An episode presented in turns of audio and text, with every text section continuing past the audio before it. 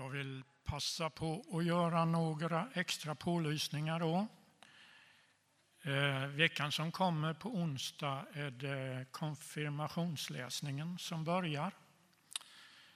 Nere i Slättenkyrkan, vi har ju det gemensamt, några församlingar här i Taberg och Norra Hammar och Månsarp. Eh, det är ju Bergets dag på lördag, en jättestor gemenskapsgrej här i bygden. Ni gör väl om ni kommer dit. Eh, från vår sida, från missionsförsamlingen här, så är ju scouterna med som vanligt och serverar en massa godis, nyttigheter. Och eh, musikkåren tror jag med att spela också, traditionellt. Eh, nästkommande söndag så är det nattvardsgudstjänst i vår kyrka. Det får räcka med de pålysningarna. Nu börjar vi vår gudstjänst genom att sjunga lovsången nummer 329. Gud tillhör äran och låt oss stå upp och ge honom äran.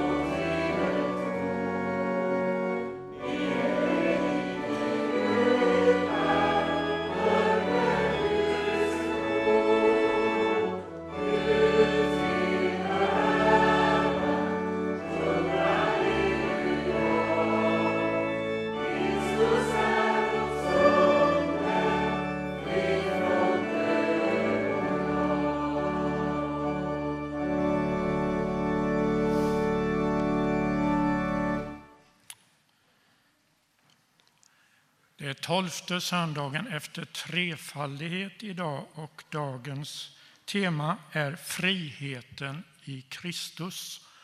Och vi möts av en av dagens texter här ifrån Saltarens 145 psalm, vers 13 och följande. Gud håller sina löften kärleksfullt i allt han gör. Herren stöder dem som vacklar. Han rätar krökta ryggar. Allas ögon är vända mot dig och du ger dem föda i rätt tid. Du öppnar din hand och stillar allt levandes hunger. Rättfärdige Herren i alla sina gärningar, kärleksfull i allt han gör. Herren är nära alla som ropar, alla som av hjärtat ropar till honom. Han hör deras rop och räddar dem. Herren skyddar dem som älskar honom, men alla de onda förgör han. Herrens lov vill jag sjunga. Allt som lever ska prisa hans heliga namn, nu och för evigt. Vi ber. Ja, Herre, vi stämmer verkligen in i den här psalmistens sång. Liksom i sången vi fick sjunga att dig tillhör äran. Vi tackar dig för din stora kärlek, din öppna famn, din förlåtelse. Och allt detta får vi ta till oss i vår gudstjänst idag. Tack för att du tar hand om ordets predikan, sångerna vi ska sjunga tillsammans, bönerna vi får be och förbönen för varandra och för hela vår värld. Vi överlämnar oss i dina händer. I Jesu namn. Amen.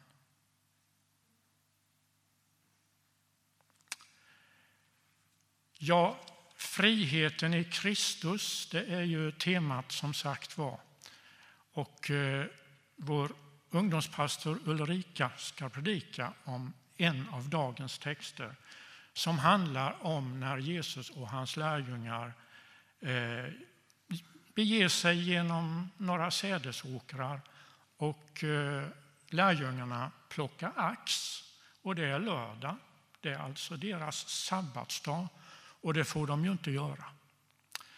Så det ska bli spännande Ulrika att höra hur du tacklar den här texten. Eh, friheten i Kristus, hur mycket erbjuder Kristus i friheten? Hur mycket erbjuder Jesus oss? oss? Vi har ju något som heter allemansrätten i Sverige idag som jag och Eva har njutit av nu några veckor. Vi har kunnat gå var som helst och plocka svamp och plocka blåbär och lingon. Det är ju en frihet vi verkligen ska vara rädda om. Men vad har Jesus Kristus för frihet att erbjuda oss? Det ska bli spännande att höra.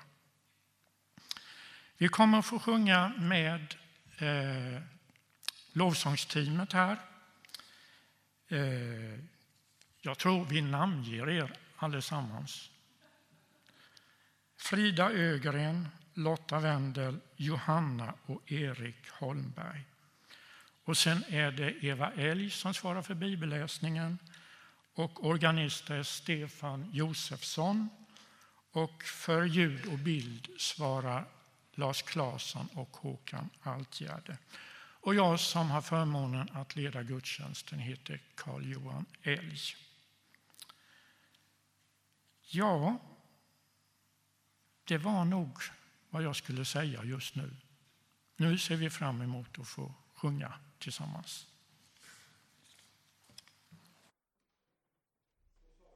Välkommen, så menade jag det till er allihop.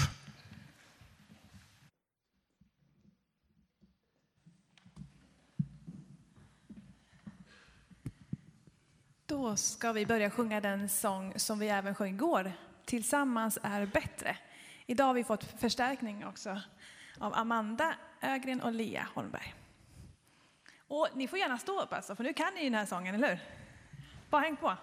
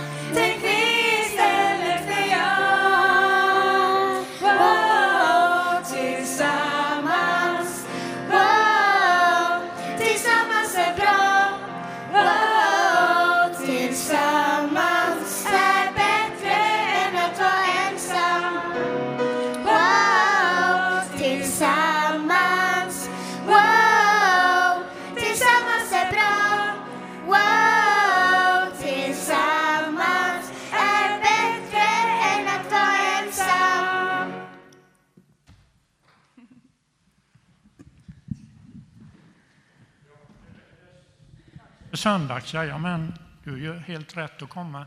Jag ska bara säga det att igår hade vi församlingsdag och då var vi verkligen tillsammans, alla åldrar. Och det var faktiskt rätt så många barn också med. Tillsammans med Ida-Maria Brängesjö som talade om att eh, vara för, tillsammans alla åldrar i en församling. Varsågod, Linda. Det var drygt 15 barn igår. Ja, 15-20 någonting. Ja. Eh, Men Erik och Elia, eh, skynd, söndags börjar ju snart. Nu får ni komma. Åh, jag är så taggad. Eh, varsågod. Oj, det var tungt det här. Ja, Du, eh, vi har med oss alla de här skolgrejerna. Eh, skolgrejer, vi, vad vi, men- skulle, vi skulle David komma och eh, han med det här hjälpsam och vi skulle samla in eh, grejer. David från Hjälp. Jaha, David Ögren, ja, från Samhjälp, ja. Ja, Sam, Ja, fast han är ju hjälpsam. Ja. Ja, det är han Ja. ju. Eh, Men du tänkte vi, att han ska samla Vi skulle samla in skolgrejer, till något skolprojekt, eller hur? Ja, söndags samlade vi in pengar till bra saker och vi hade tänkt att börja att samla in pengar eller samla in till eh, skolprojekt eller till så att barnen Ja. har saker till skolan. Men inte grejer. Vi ska samla in Okej. pengar liksom. Okej. Ja. Men du, vä- vänta lite, så ska jag ta... Här, Samhjälp vet ju vad de ska köpa in sen. här är lite pengar då. Ja, ja, ja, helt rätt. Pengar är jättebra. Men vi ska också gå över från kontant, pengar kontant, till att swisha in insamlingen. Okej. För det blir lite lättare och folk kommer ihåg det bättre. Än, det. ja. Så det är mycket nytt idag. Ja. Ja. Men barnen i söndags kommer få reda på precis allting när vi träffas idag. Så, Och barnen, David kommer förklara mycket, mycket bättre än vad vi gör. okej, så barnen kommer ha koll? Ja, och de kommer inte behöva med sig grejer varje söndag, Okej, det är insamling. okej. Nej. Ja, vad skönt. Ja. Mm. Eh, så nu gör vi så här att alla åldrar i söndags kommer samlas i storstugan. Så vi delar inte upp oss i början idag, utan i storstugan möter vi David från Samhjälp eh, och samlas i storstugan. Nu kör vi musik.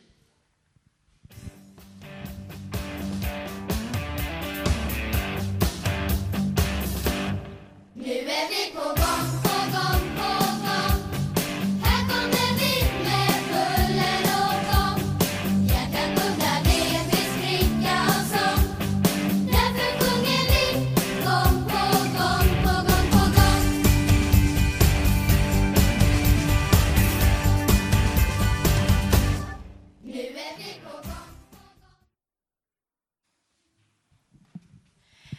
Eh, nu fortsätter vi sjunga tillsammans. Vi står här tillsammans. Och jag tror att det var för många första gången de hörde den igår. Men vi tänkte vi kör på den här tillsammans-temat, för det tycker vi är bra.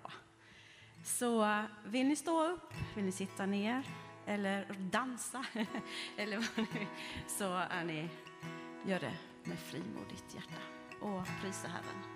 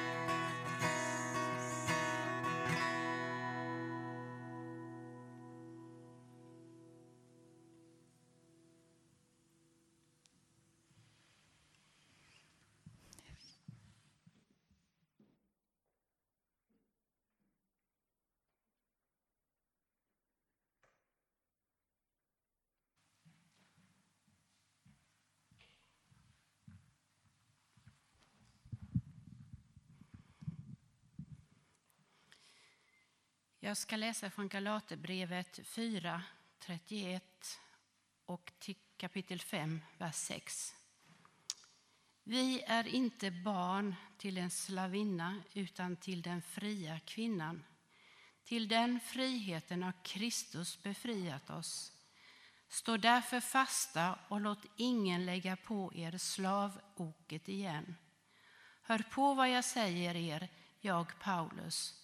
Om ni låter omskära er har ni ingen nytta alls av Kristus.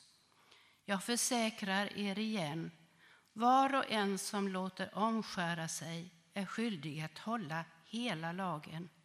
Ni är utestängda från Kristus, ni som söker er rättfärdighet i lagen. Ni har hamnat utanför nåden. Ty vi väntar oss i vår ande att genom tron vinna den rättfärdighet som är vårt hopp. I ett liv med Kristus Jesus kommer det inte an på omskärelse eller förhud utan på tron som får sin uttryck i kärlek.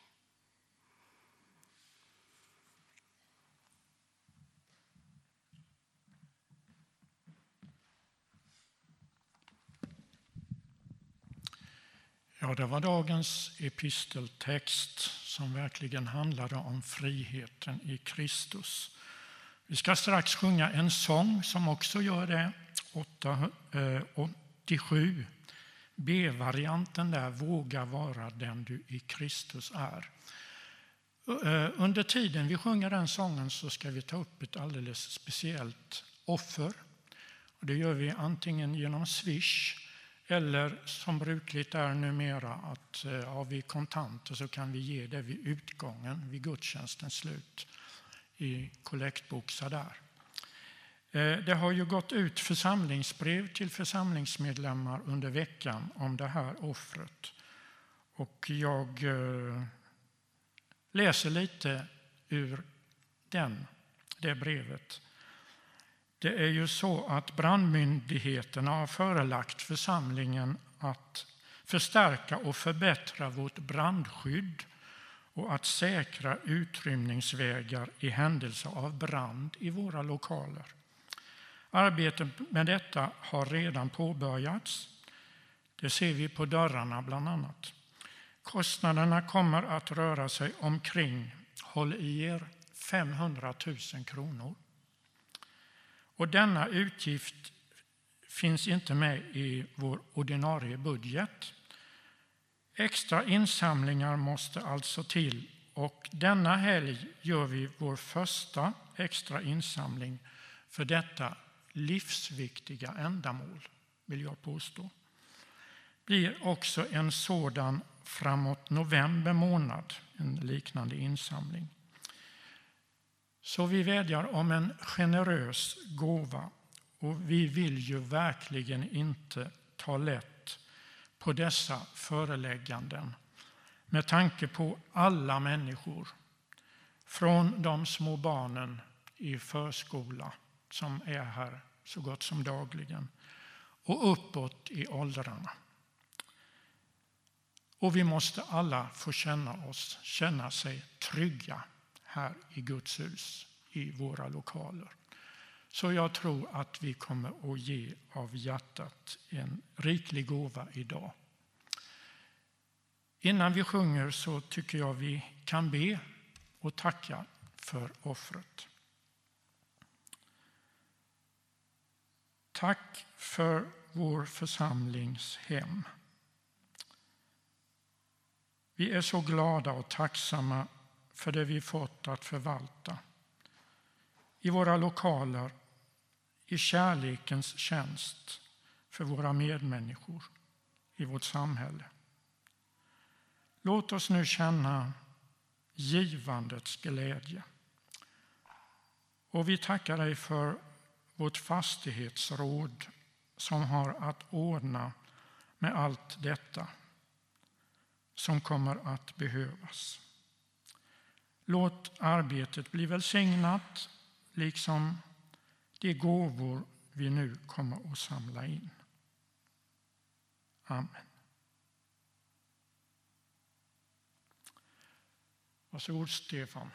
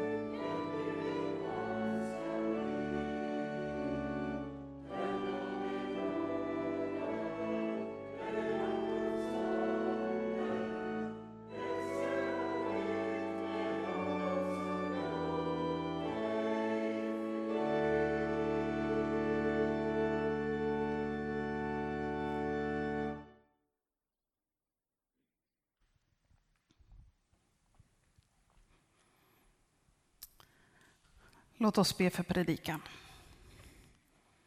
Och herre, öppna våra ögon så vi kan se dig. Herre, öppna våra öron så vi kan höra dig. Herre, öppna våra hjärtan för det budskap du vill ge var och en av oss idag.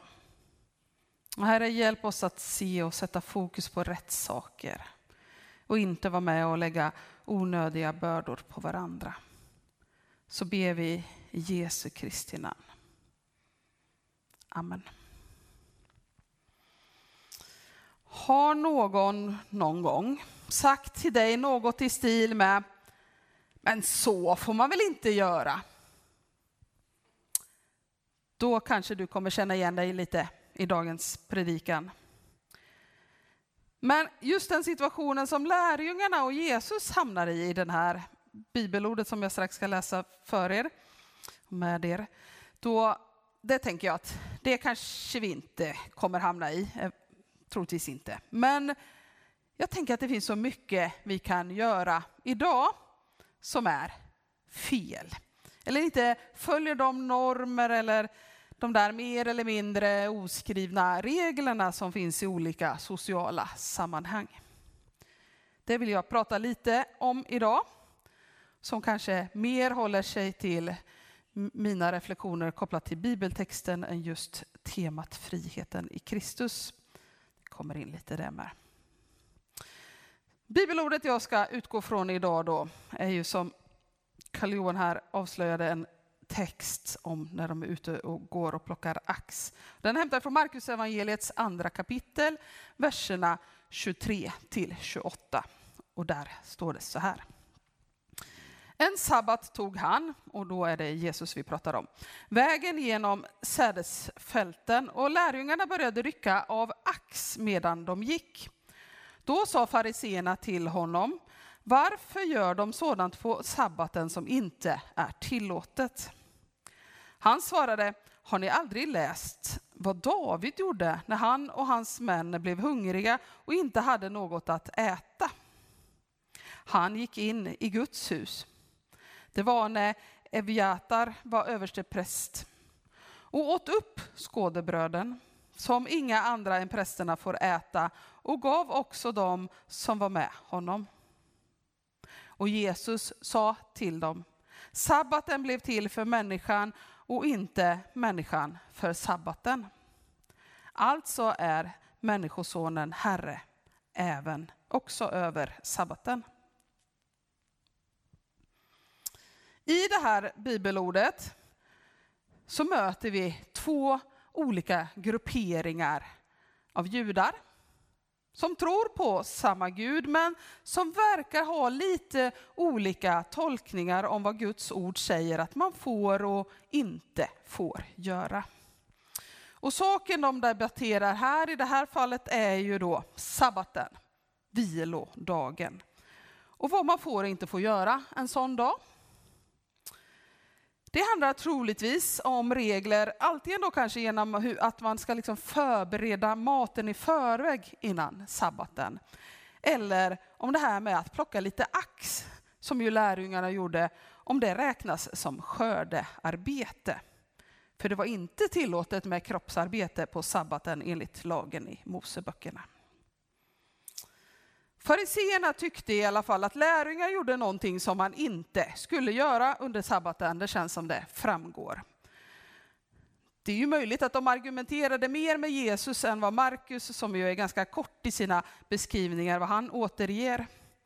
Men jag tänker att de tänkte säkert precis som många av oss när vi argumenterar att ja, men så som jag tänker, det är ju rätt. Det är, det är ju så man ska tänka. Sen tycker jag det är lite spännande att fariseerna ändå väljer att argumentera med Jesus och inte argumentera med lärjungarna som ju faktiskt är de som de anser gör någonting fel. Jag kan tänka att det troligtvis är ett tecken på hur man såg på den här relationen mellan mästare och lärjungar, att Jesus hade någon form av ansvar för vad hans efterföljare, hans lärjungar, gjorde.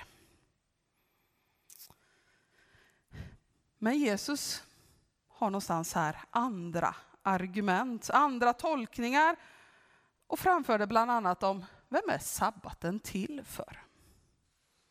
Det känns som att han går tillbaka någonstans i något grundmotiv till varför är det här med vilodag viktigt när Jesus gör sin tolkning.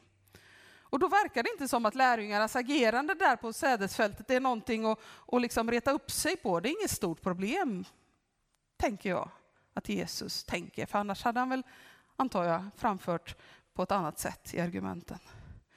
Och det var ju tillåtet att göra vissa former av arbete under sabbaten. Bland annat var det ju tillåtet att, att rädda liv. Alltså, skulle det vara så att en människas liv var hotad så gick det före sabbatsbudet, för att ta ett exempel. Och jag menar, och det här med att rädda människor, det var ju någonting som Jesus hade liksom som sitt grunduppdrag. Det jobbade han med hela tiden. Fast det är nog kanske inte riktigt det han åsyftar i det här fallet. Jesus plockar ju upp ett exempel här, en händelse om David som argument i sint, i diskussionen liksom så. En berättelse som, är, som vi kan liksom ta del av om vi kollar i första Samuelsbok kapitel 21. Som handlar om när David och hans män gick in i Guds hus och så åt de upp de så kallade skådebröden. Det är bröd som man liksom la fram varje sabbat inför Herren Gud där. Och de där fick ju bara präster äta, får vi också reda på i den här bibelordet. Och hänvisningen till David verkar vara någonting som stärker Jesus argumentation. Och kanske är det någon form av argumentation att det här med liksom mänskliga behov, till exempel då hunger, det kan gå över lagen. Och Jesus fortsätter sen då genom att argumentera att sabbaten blev till för människor och inte människan för sabbaten. Men det finns alltså undantag i skriften från lagen. Det som David gjorde. Och David, det är ju en man som man inte liksom gav sig på sådär. Men jag tror när Jesus drog fram Davidkortet så är det, liksom, det är lite svårt att argumentera tillbaka, liksom, för han var ju kungarnas kung. Så honom kan man ju inte säga att han gjorde fel kanske. Men även om de här två parterna i diskussionen var oense så får vi ju inte glömma bort att de tror ju på samma Gud. De har samma skrift, det som för oss då är Gamla Testamentet i Bibeln. Men de har kommit fram till olika tolkningar och kanske också då påverkade av olika saker, olika mycket av olika traditioner som har växt fram genom århundraden om hur man ska se på det där som står. Hur det ska tolkas. För oavsett vad vi säger att det som står skrivet, det står skrivet, liksom, så gör vi var och en en tolkning när vi läser det skrivna och funderar på hur påverkar det mitt liv. Men jag, jag hoppas ju att liksom deras tro på, på Gud, att de hade någonting gemensamt där, att det höll, höll dem samman i det stora, även om de nu visar sig vara oense i någonting som vi kan se som det lilla. Sen tänker jag viktigt att påtala i det här sammanhanget att Jesus, han sätter sig ju inte upp emot lagen här. Det tror inte jag att Jesus tänkte att han gjorde. Jesus visar om och om i evangelierna när vi läser dem igenom att Jesus är en lagtrogen lär, jude.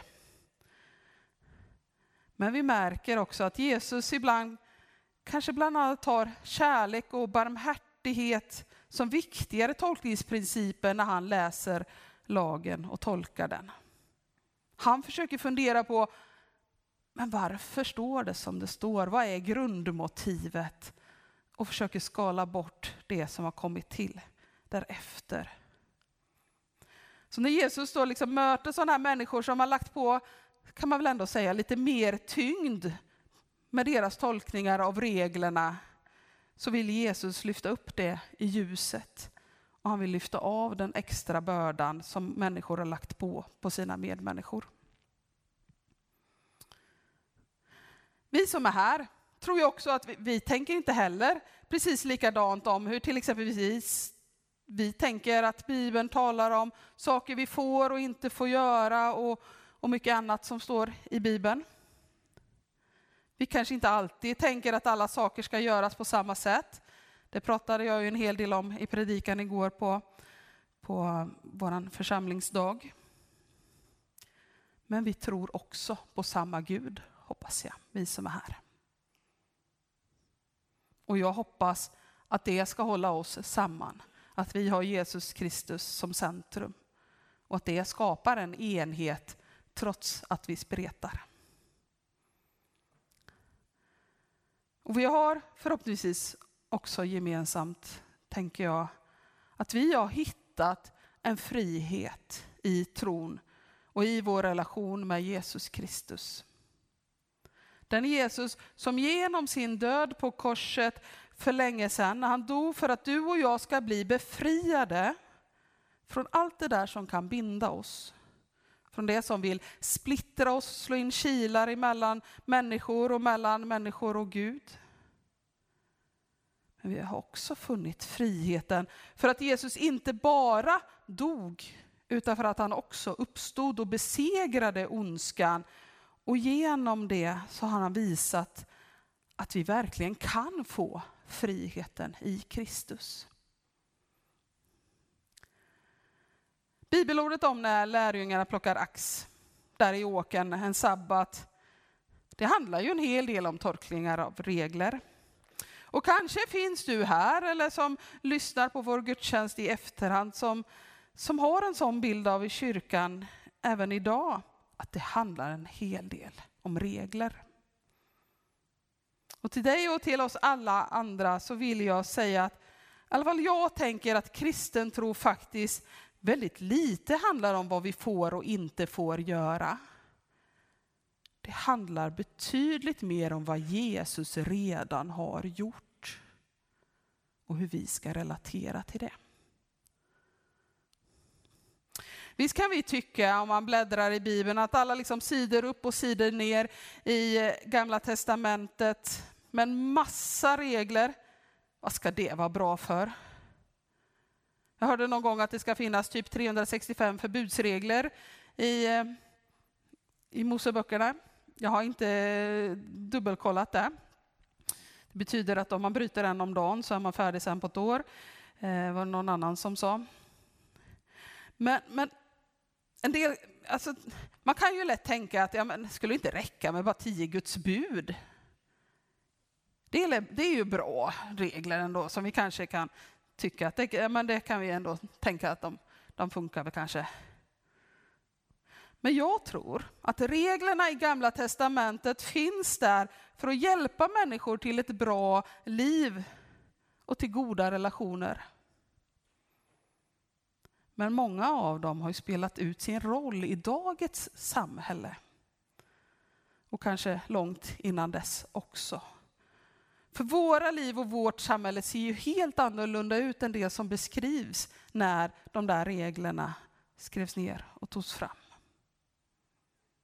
Vi har annorlunda problem idag.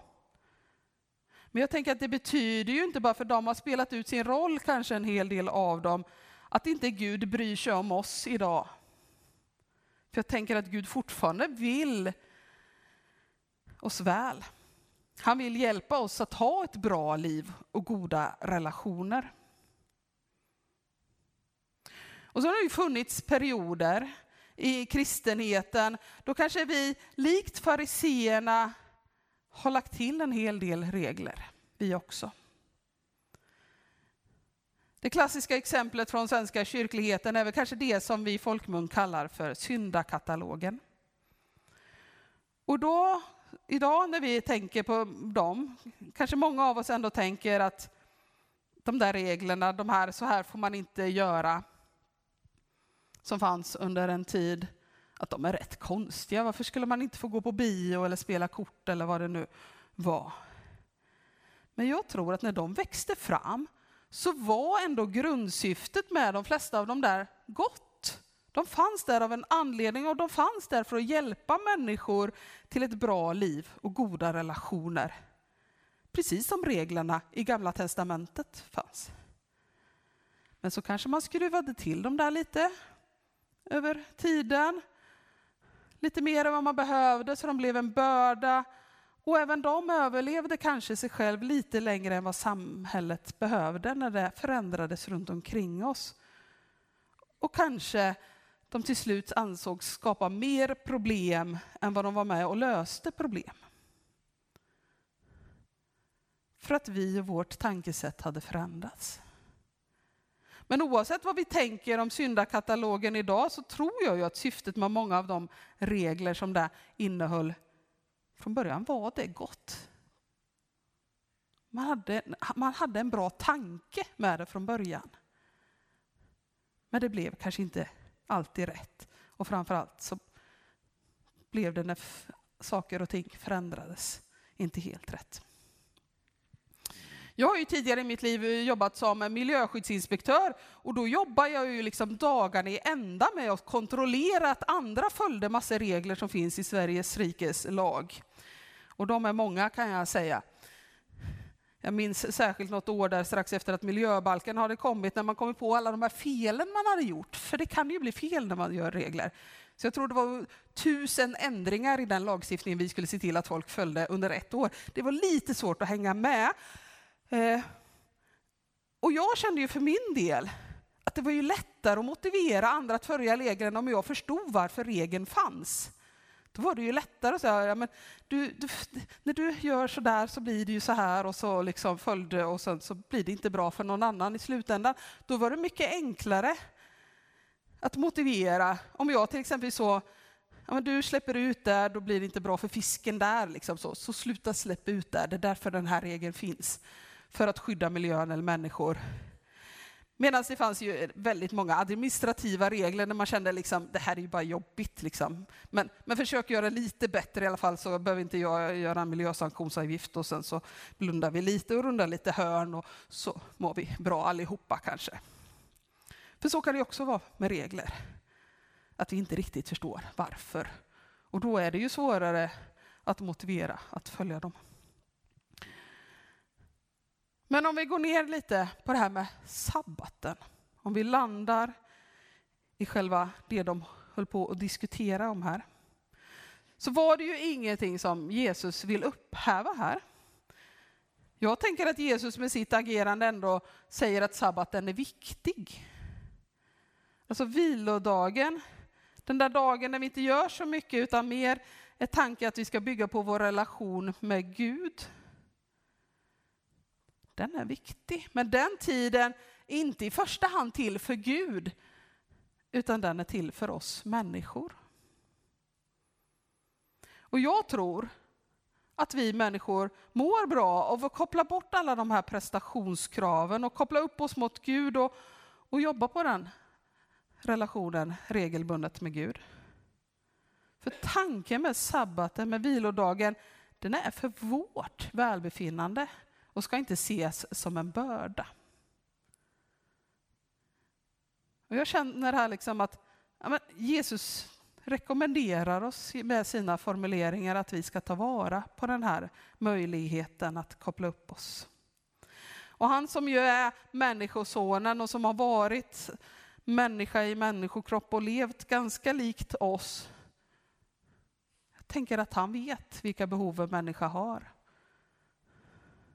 Och som Guds son så säger han ju så här i bibelordet att han har makt att bestämma över sabbaten.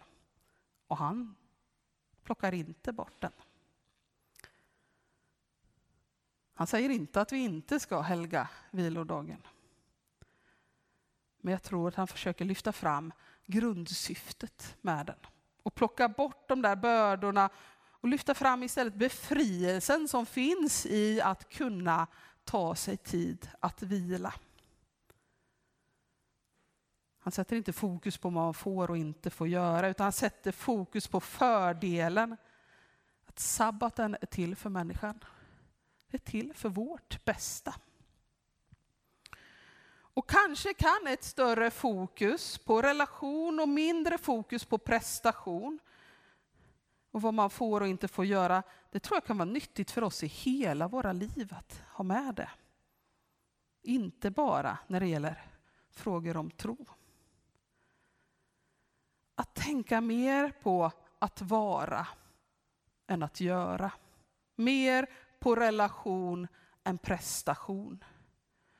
Det tror jag kan vara väldigt befriande för oss människor som ibland springer runt i livet som värsta Duracell-kaniner och in, aldrig tar något paus utan bara står där och trummar på som den gjorde i den här gamla reklamfilmen om någon kommer ihåg det. Tankarna om sabbaten det är att det ska ge oss en större frihet i livet och att det ska skänka oss vila. Och jag hoppas att, och tror att vi genom Jesu ord och handling i Bibeln kan liksom finna kanske ännu fler mönster som kan vara befriande för oss om vi väljer att följa dem. Inte för att vi måste, utan för att vi får. Och för att vi vill göra så som Jesus gjorde. Då tror och hoppas jag att vi kan finna friheten i Kristus. Amen.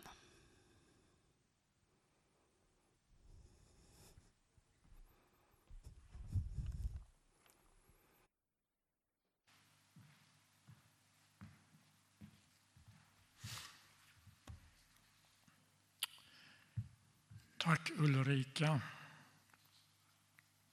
Det handlar om det Jesus redan gjort.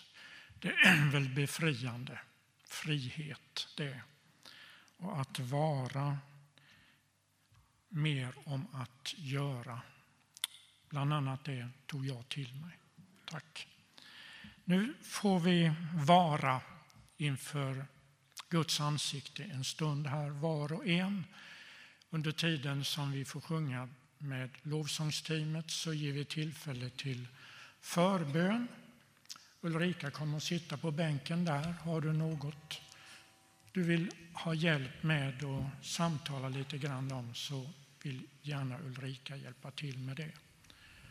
Kanske är sjukdom eller något annat som trycker dig. Eh, vi har också vår ljusbärare här som vi flitigt brukar använda. Under tiden vi sjunger här så kan vi gå fram och tända ett ljus och stå här en liten stund och be en bön eller tacka för något. Vi har också lappar man kan skriva något på och lägga i korgen så tar vi med det i, i vår eh, förbön i slutet. Och viker du lappen så läser vi inte upp den men eh, Viker du inte lappen så läser vi upp den för varandra. Igår hade vi flera förbönstationer och vi lät en vara kvar där nere i arken, nästa sal. Vid fönstret där hänger det ett nät och där finns redan en massa lappar som är vikta. Och då uppmanades vi att kanske skriva ett namn på den lappen. Någon som vi tänker på, som vi behöver förbön. Och vik gärna lappen då och sätt en klädnypa i, i nätet där så är det ingen som ser namnet. Det kanske kan passa någon att göra så. Sen kommer vi också att nämna några eh, gemensamma förbönsämnen. Men vi sjunger och är inför Herrens ansikte alla.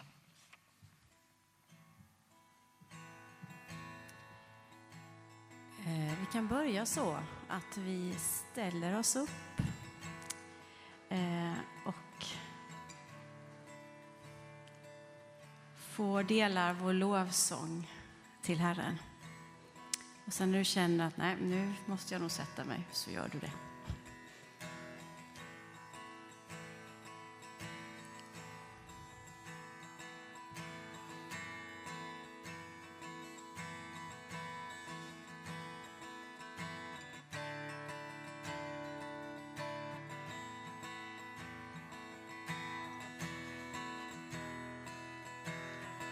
Här är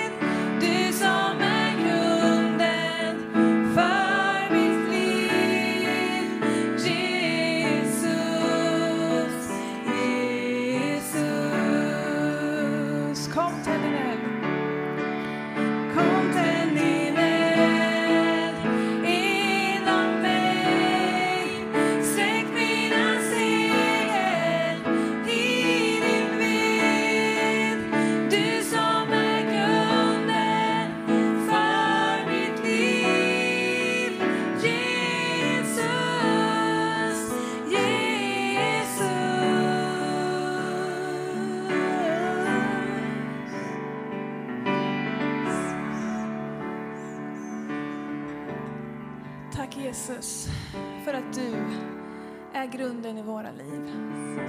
Tack för att vi får alltid vända oss till dig. Oavsett om livet känns kanske enkelt, men också när livet känns tungt. Oavsett vad, så får vi alltid komma till dig. För du är grunden. Du är vårt hopp. Du är vårt ljus, vår kraft. Tack Jesus. Och vi får komma till dig, även fast vi inte alltid har ord. Så vet du vad vi innerst inne känner. Och när liksom sången, musiken tar slut i oss och vi inte vet längre vad vi vill säga, så vill vi komma tillbaka till dig. Till hjärtats lovsång. För den handlar om dig Jesus. Du är våran grund. Du är vårat ljus.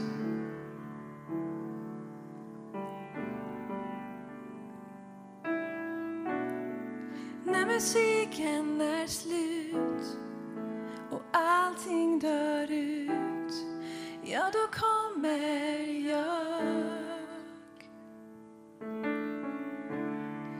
Jag vill bara ge något värdefullt som välsignar dig. Jag vill ge mer än en sång för en sång i sig själv är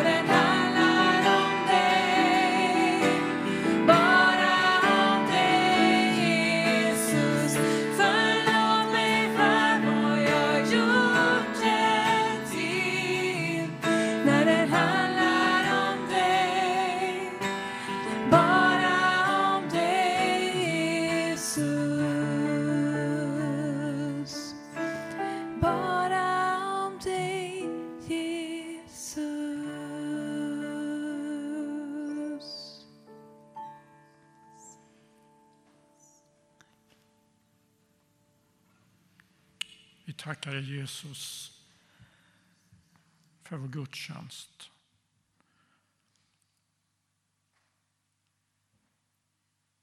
Du har säkert sagt något personligt till oss var och en. Och vi har fått lyfta av något som trycker oss. Jag tror också var och en. För vi är alla så stort behov av hjälp. Du ser vad som ligger bakom att de här ljusen är tända här nu. Tack att vi får lämna den omsorgen vidare till dig. Lapparna som har skrivits där nere på nätet.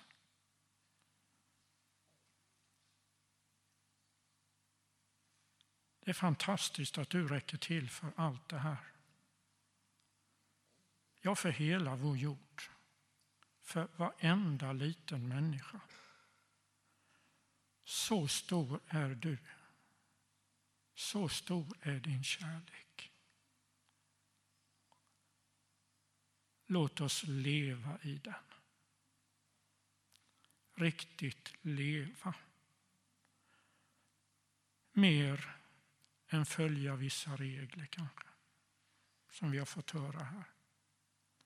Befria oss så att vi får leva tillsammans med dig i vår vardag bland våra medmänniskor. Ta hand om vår värld. Du ser all nöd, all krig, all ondska. Ta hand om vår församling. Och vi läser i förbönskalendern för vår församling om att vi ska tänka speciellt för vår basgrupp 10. Vi är ju indelade i basgrupper, det vet du, som hjälper till att tjäna på olika sätt. Städa, baka, servera, dela gemenskap. Vi ber för fastighetsförvaltningen, de som är engagerade i det. Och vi ber för Bergets stad nu på lördag. Och sen är vi ju utan församlingsföreståndare sen i vintras och utan anställd ungdomsledare sedan nu i sommar. Herre, vi ber att de här personalbitarna ska lösas. Att de som passar in i pusslet ska få komma på rätt plats i vår gemenskap. Och vi ber också för konfirmanderna som börjar plugga här nu i veckan som kommer. Och vi vill be för Marcus Jansson, en i vår församling som gifte, oss i, gifte sig igår uppe i Finspång. Vi ber för honom och hans fru. Var dem nära. Låt dem få tjäna dig. Tack för vad Markus har betytt i vår gemenskap. Så vill vi gå stärkta ifrån vår gemenskap här idag. Tillsammans ut i världen och lova dig. Ta så emot Herrens välsignelse. Herren välsigne er alla och bevare er. Herren låter sitt ansikte lysa över er och vare er nådig. Herren vände sitt ansikte till er och give er frid. I Faderns och Sonens och den helige Andes namn. Amen. Välkomna till kyrkkaffegemenskapen efteråt i storstugan. Är det någon som är här för första gången så eh, vill vi gärna vara generösa och då bjuder vi på kaffet eller saften eller teet. Hoppas alla har möjlighet att stanna kvar och dela också den gemenskapen. Men nu avslutar vi gemenskapen här med att sjunga 827 verserna 1, 2 och vers 5. Se hur gudsvinden bär. Ja, vi har stått några gånger, men vi reser oss upp en gång till va, och sjunger en lovsång.